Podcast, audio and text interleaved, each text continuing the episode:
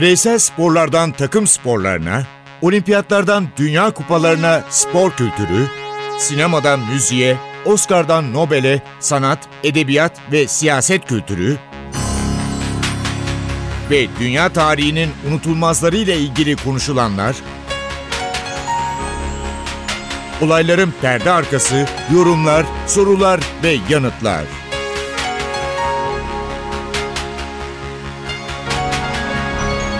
Ercan Taner ve Mert Aydın'la Ateş Arabaları başlıyor.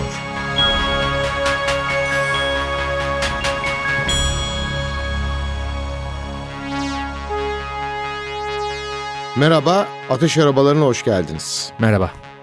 Hafta içinde dünyanın en iyi futbolcuları ödüllerini aldılar. Mert'le oturduk konuştuk.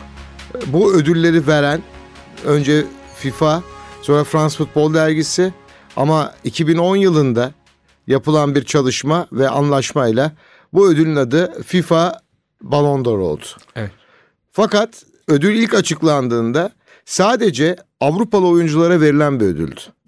Avrupalı oyuncular deyince Diego Armando Maradona, daha da öncelerinde Pele gibi dünya yıldızları maalesef bu ödülü kazanamıyordu. Sonrasında neler yaşandı? Evet sonrasında 90'ların ikinci yarısından itibaren Avrupa'da oynayan başka kıta sporcuları da dahil edildi.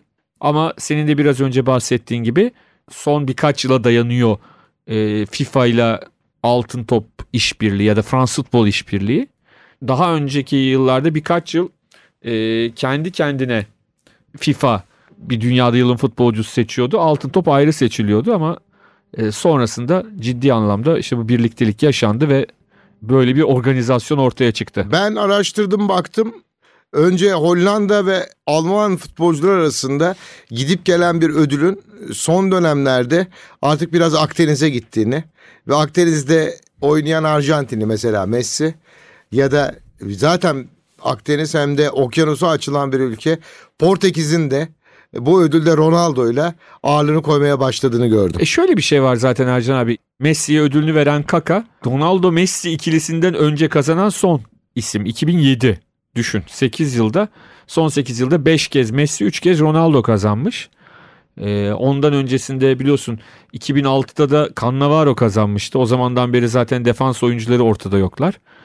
Ee, bir tek geçen sezon kaleci Neuer geçen yıl o ilk üçün içine girebilmişti. Ee, oylamada nasıl olduğunu da anlatalım. Dünya üzerindeki FIFA'ya üye ülkelerin milli takımlarının teknik direktörleri ve kaptanları oy kullanıyor. Artı Fransız futbolun seçtiği gazeteciler, Fransız futbol muhabirleri oy kullanıyorlar. E, ve onun ardından da e, bu oylama ortaya çıkıyor. Bu sefer çok ilginç e, İspanya kaptanı Iker Casillas belgeler kendisine geç ulaştırıldığı için oyunu kullanamadı.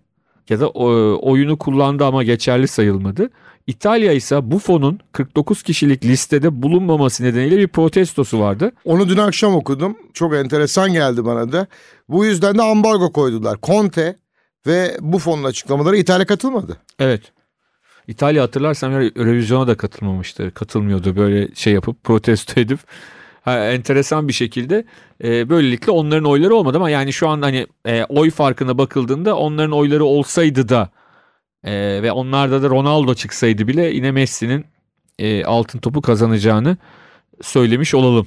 Messi'nin açıklaması ben tamam yarışıyorum Ronaldo var ama benim bir özelliğim var ben sadece kendimle yarışmayı seviyorum açıklaması biraz da Ronaldo'yu böyle ayağının içiyle taca atan bir açıklama gibi geldi. Evet, e, hafta içinde altın toptan sonra yapılan açıklamalara baktığımızda e, ilginç mesajlar var senin dediğin gibi ama benim en ilgimi çeken nokta şu. Mesela bundan önceki yıllarda da hep bir böyle bir heyecan işte o mu seçilecek bu mu seçilecek vardı ama bu sefer kadınların da dahil olmak üzere bütün ödüller çok net belliydi sanki. Yani hani e, Messi'nin kazanacağı, diğer taraftan e, Luis Enrique'nin kazanacağı, diğer taraftan kadınlardaki sonuçlar, Amerikalı antrenör ve oyuncunun kazanması bunların hepsi çok beklenen ve çok hani, e, rahat sonuçlardı diyebiliriz. Bu da bu yılın belki diğer yıllardan farkı oldu. Mesela geçen yıl hatırlıyorum teknik direktör konusu çok kafa karıştırıcıydı. İşte Dünya Kupası'nda Löw kazanmıştı. Öbür tarafta Şampiyonlar Ligi'nde işte Ancelotti kazanmıştı. Bir de Diego Simeone olayı vardı. Ne insanlar böyle karışıyor. Bu sefer Luis Enrique'nin Kazanacağı zaten çok belliydi, net belliydi. bence. Yani bu kadar kupa kazandıktan sonra e, belki Guardiola ondan daha iyi bir teknik direktör olabilir ama sonuçta o ödülün gitmesi gereken yer Luis Enrique'ydi. Luis Enrique oldu. Bunu ifade etmek lazım. Biraz sürprizlerden arınmış bir e, ödül töreniydi diyebiliriz. Dünyanın en büyük sanatçılarından birinin geçtiğimiz hafta hayatını kaybettiğini duyduk. İngiliz bir sanatçı. Guardian gazetesi 25 sayfa. Independent gazetesi 12 sayfa ayrı ekler verdiler. Çünkü çok büyük bir sanatçı. 8 Ocak 1947'de İngiltere'de Brixton'da Londra yakınlarında dünyaya geldi ve 69 yaşında hayatını kaybetti. Yıl 1969 Space Oddity albümüyle bir anda bütün dünyanın dikkatini çeken David Bowie'den bahsedeceğiz. Evet David Bowie sadece şarkılarıyla, sadece müziğiyle değil, kıyafetleriyle, tavırlarıyla da dünya kamuoyunu sarstı. Yani sadece müzik kamuoyunu değil, genel anlamda dünya kamuoyunu e, sarstı. İşte erkek mi kadın mı e, kafa karıştırıcı kostümler giydi, e, enteresan şarkılar yaptı, enteresan şarkı sözleri yazdı.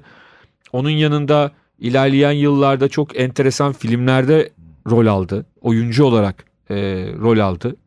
İlginç bir karakterdi ve dediğin gibi hem de müziğiyle birçok başka müzik dalına mesela hani onun punkçı diyemeyiz ama punk müziğinde punk akımının da Bir- öncülerinden olduğunu herkes söylüyor. Punk'ın öncüsü ama rock'ın da ekolü. Mutlaka. Bu arada esas adı David Jones. İlerleyen yıllarda Bowie soyadını da alıyor. e, Resmi olarak da alıyor. Şöyle diyelim Ercan abi. Sen biraz önce e, onun ilk albümünden bahsettin. Şimdi o albümün en ünlü şarkısıyla istersen David Bowie'ye bir selam gönderelim. Space Oddity.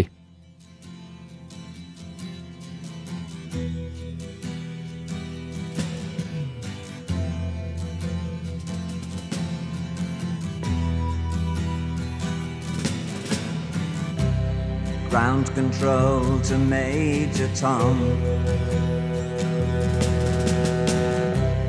Ground control to Major Tom. Take your protein pills and put your helmet on. Ground control to Major Tom. seven, six. Commencing countdown engines on. Check ignition and may God's love be with you.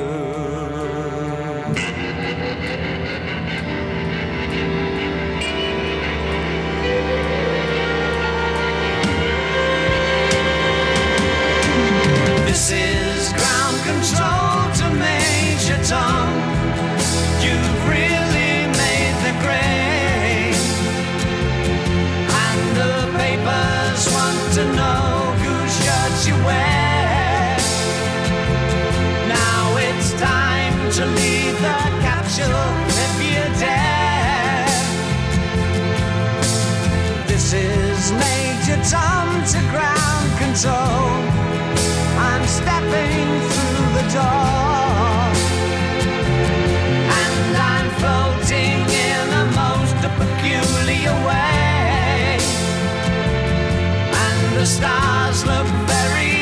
different today.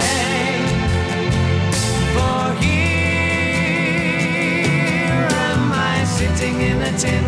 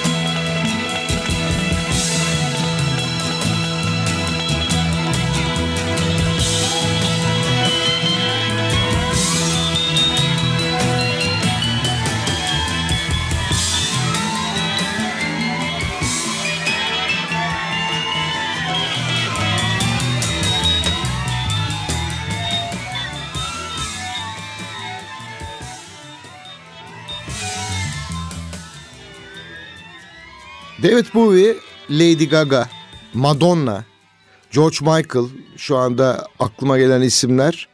Birçok yıldızın da hem idolü hem ekolü. Kıyafetleri, davranışları e, bu saydığım şarkıcılar içinde bir ekol olarak değerlendiriliyor. Rolling Stones'un tarihindeki en iyi 500 albüm sırasına baktığımız zaman da 6. sırada ve en ünlü İngiliz seçiliyor. Bunların arasında da 21. sırada David Bowie. Tabii magazin tarafına baktığımızda çok ünlü bir manken olan İman'la olan evliliği. e, siyahi manken yine bir dönem e, magazin basınında ciddi anlamda peşinden koşturmuştu. Bu arada baktım Ercan abi 44 yaşında bir oğlu varmış mesela ilk evliliğinden. Onu da ifade edelim. Daha sonra da başka çocuğu da var ama e, en büyük oğlu 44 yaşındaymış. Müziğiyle tekrar söyleyelim kıyafetleriyle bir çığır açan bir insandan bahsediyoruz. O yüzden de Guardian'ın 25 sayfalık ek vermesi çok anormal değil ve işin ilginç yanı e, albümü yeni çıkmıştı. Yani bu da enteresan. Hani aslında ölmeyip başka bir şey olsa insanlar reklam için mi yaptı diyebilirdi ama, Ama artık öldü. öldü yani. Kanser e, tedavisi görüyordu. Kraliçe tarafından 2003 senesinde kendisine şövalyelik onuru verilmek isteniyor. Ama kendine has bir insan olduğu için şövalyeliği reddediyor. Bunu da bir not olarak söyleyeyim. Yıl 2003. Aslında 60'ların sonunda o çıkış yaptığı dönemde ileride şövalyelik verilebileceğini e, söyleseniz İngiltere'de olay çıkardı muhtemelen nasıl olur diye. Ama daha sonra tabii çok e, önemli bir kişi oldu. E, o zaman yine onun çok sevilen şarkılarından bir tanesi daha sonra başkaları tarafından da söylendi. Dünyayı satan adam. The Man Who Sold the World.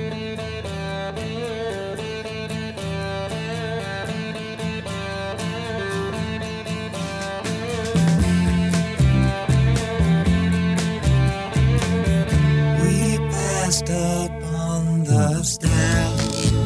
We spoke of was and when. Although I wasn't there, he said I was his friend, which came as some surprise. I spoke into his eyes. I thought you died alone a long, long time ago.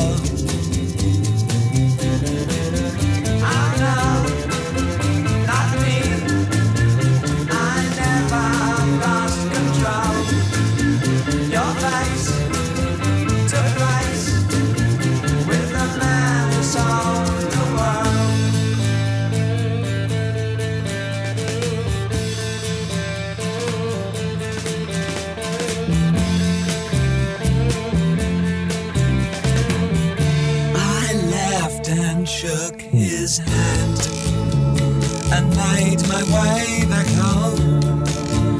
I searched for form and land. For years and years I roamed. I gazed a gazeless stare at all the millions here. We must have died alone a long, long time ago.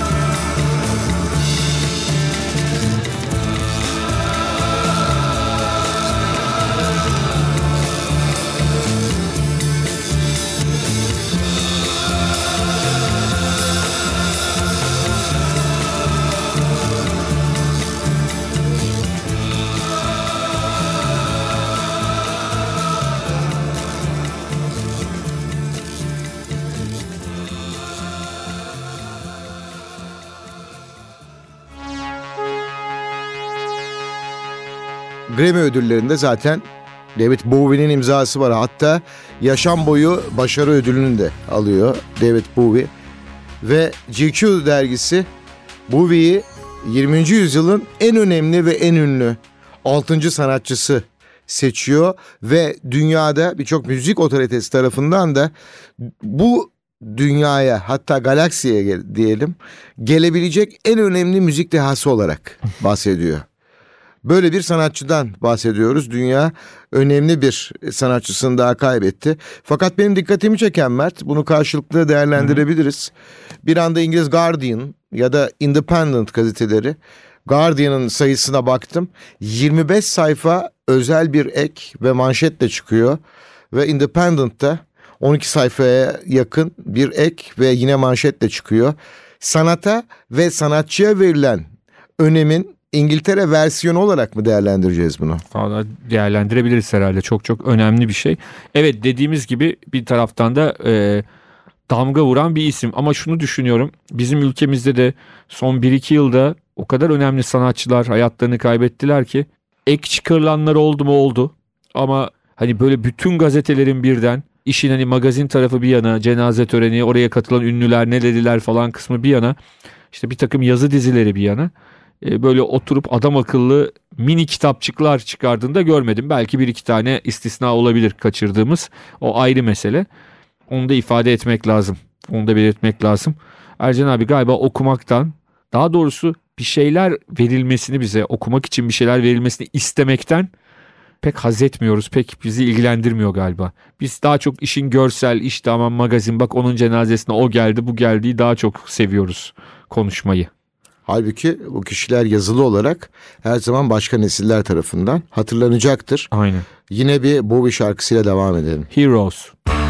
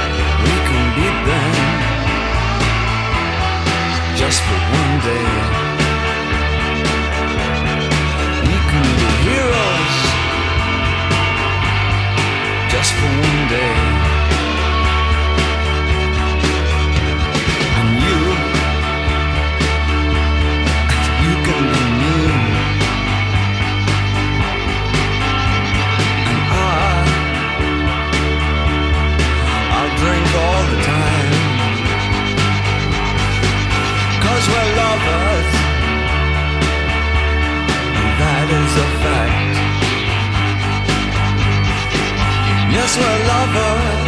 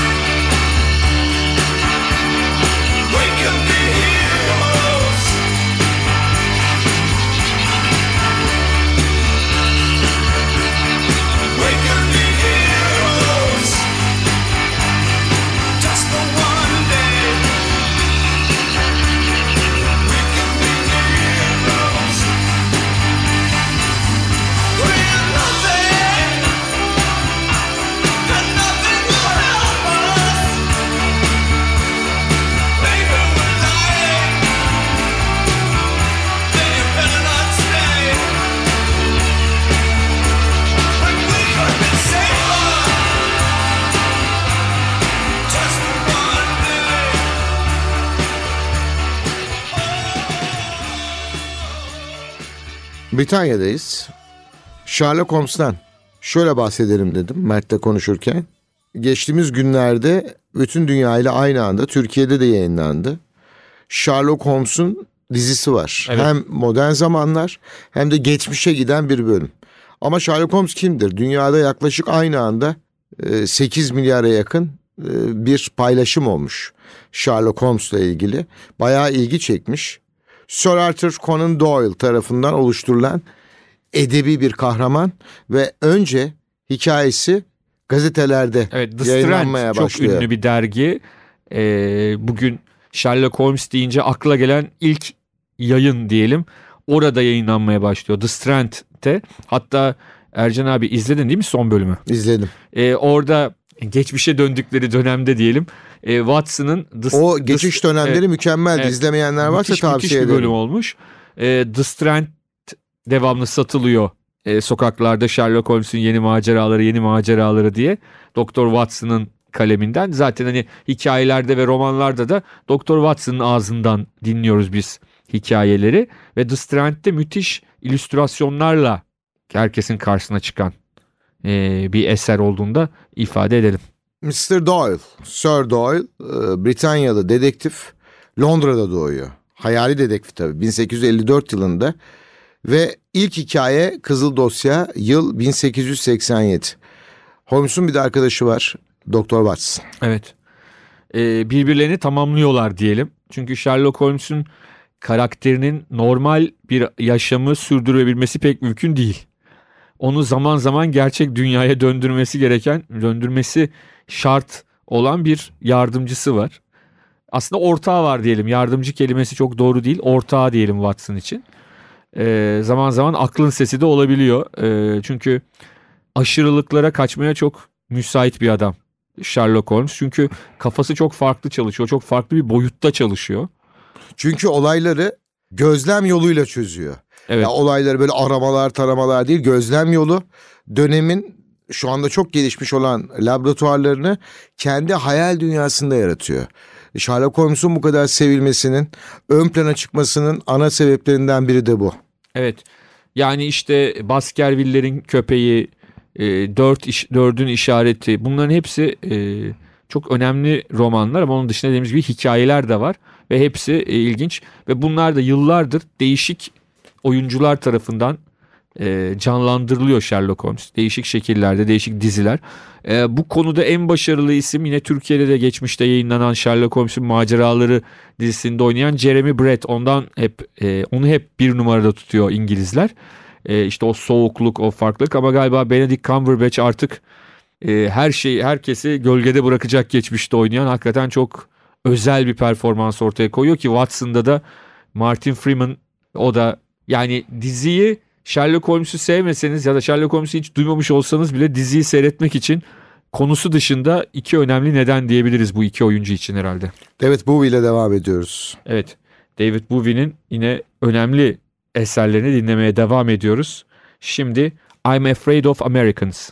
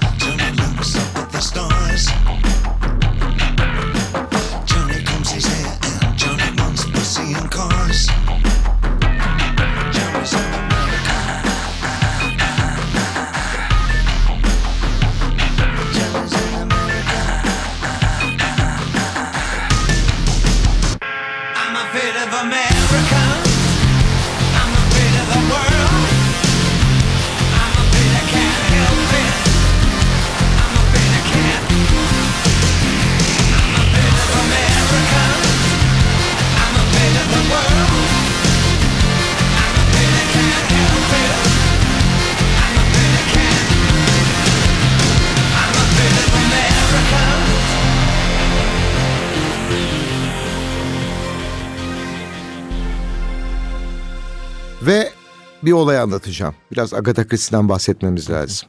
Sır dolu 11 gün. 1926-1932 yılları arasında İstanbul'a defalarca gelen ve her İstanbul'a geldiğinde meşhur Pera Palas'ta kalan Agatha Christie. Bir şey ekleyeyim mi? Geçen haftalarda konuştuğumuz Elveda Güzel Vatanım'da Agatha Christie de var karakter olarak. Agatha Christie Pera. Palas'ta çünkü Ahmet geçiyor. Ümit. Agatha Christie'nin ölümünden sonra 7 Mart 1979'da Pera Palas'ın 411 numaralı odasında bir anahtar var. Bu anahtar otel sahibinin Yeniköy'deki Yalı'nın gizli bir odasını açıyor. Adını söylemiyorum Yalı'nın. Ve gizli odada bulunan defterde Agatha Christie'nin Londra'da 11 gün boyunca nerede olduğu soruşturulduğu günlerde tüm ayrıntılar var. İstanbul'a gelip Pera Palas'ta 411 numaralı odada ne yaptığı hala bilinmiyor. Sır gibi saklanıyor. Ve merak edenler varsa Pera Palas'a gidip şu anda bu odayı açıp rahatlıkla görebilirsiniz ve yazı da var zaten. Agatha Christie burada kalıyor diye. 10 Küçük Zenci mesela Evet. Agatha Christie'nin ve Shark Express'inde cinayet. Eğer okumadıysanız O İstanbul'da da başlar zaten. İstanbul'da başlar ve bu yüzden de e, burayı Pera Palas'ı, Agatha Christie'yi eğer görmediyseniz e, tavsiye ederim mutlaka. Çok önemli kitapları vardır ve Mert'in az önce bahsettiği gibi benim Elveda Güzel Vatanım Ahmet Ümit'in o güzel kitabı orada Agatha Christie'de anlatılıyor. Evet. O zaman son bölümde çok kısa e, yeni çıkan bir dergiden bahsedelim. İki Bu ayda kadar- bir çıkacak. Evet iki ayda bir çıkacak. Bugün polisiye konuştuk çünkü. Evet evet. Dergi 221B. Sherlock iki- Holmes'un Evet 221 Baker Street. Baker Londra'da. Street ve İ- onun kısaltılmış. İşin Derginin ilginç adı yanı- 221B. Ercan abi çok ilginç bir nokta. 221B diye bir adres yokmuş bu kitap e, e, Sherlock Holmes başladığında. O yüzden hani Baker Street'te sıkıntı çıkmasın diye 200'lere ulaşmıyormuş numaralar. O yüzden o ismi öyle bir numara bulmuş Doyle ama şu anda 221B var. O, e, 221 var Baker Street'te. Elçin Poyrazlar, Levent Kanter, Seval Şahin, Celil Oker, ya polisiyeye Sevin Okyay yine Sevin, Sevin, abla. Okyay, Yankı Enki gibi daha ismini sayamadığımız birçok ünlü yazar. E, tabii ki Ahmet Ümit'in de katkısı var. Bu önemli dergi 221B. iki ayda bir çıkacak. Umarız uzun süre çıkar. Sen ve benim gibi polisiyeyi sevenler için bayağı güzel bir dergi hazırlanmış onu içinde, söyleyeyim. e, güzel hikayeler ve e, güzel akademik yazılar var. Dedektif ve polisiye e, roman ve hikaye üzerine. Artık bu ile açmıştık. Bu ile kapatacağız Kapatalım. programı. Bowie'nin bilinen şarkılarından bir tanesi daha Let's Dance.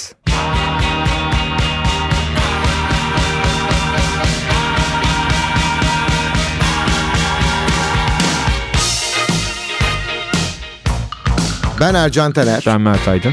Ateş arabalarında tekrar birlikte olmak dileğiyle. Hoşçakalın. Hoşçakalın.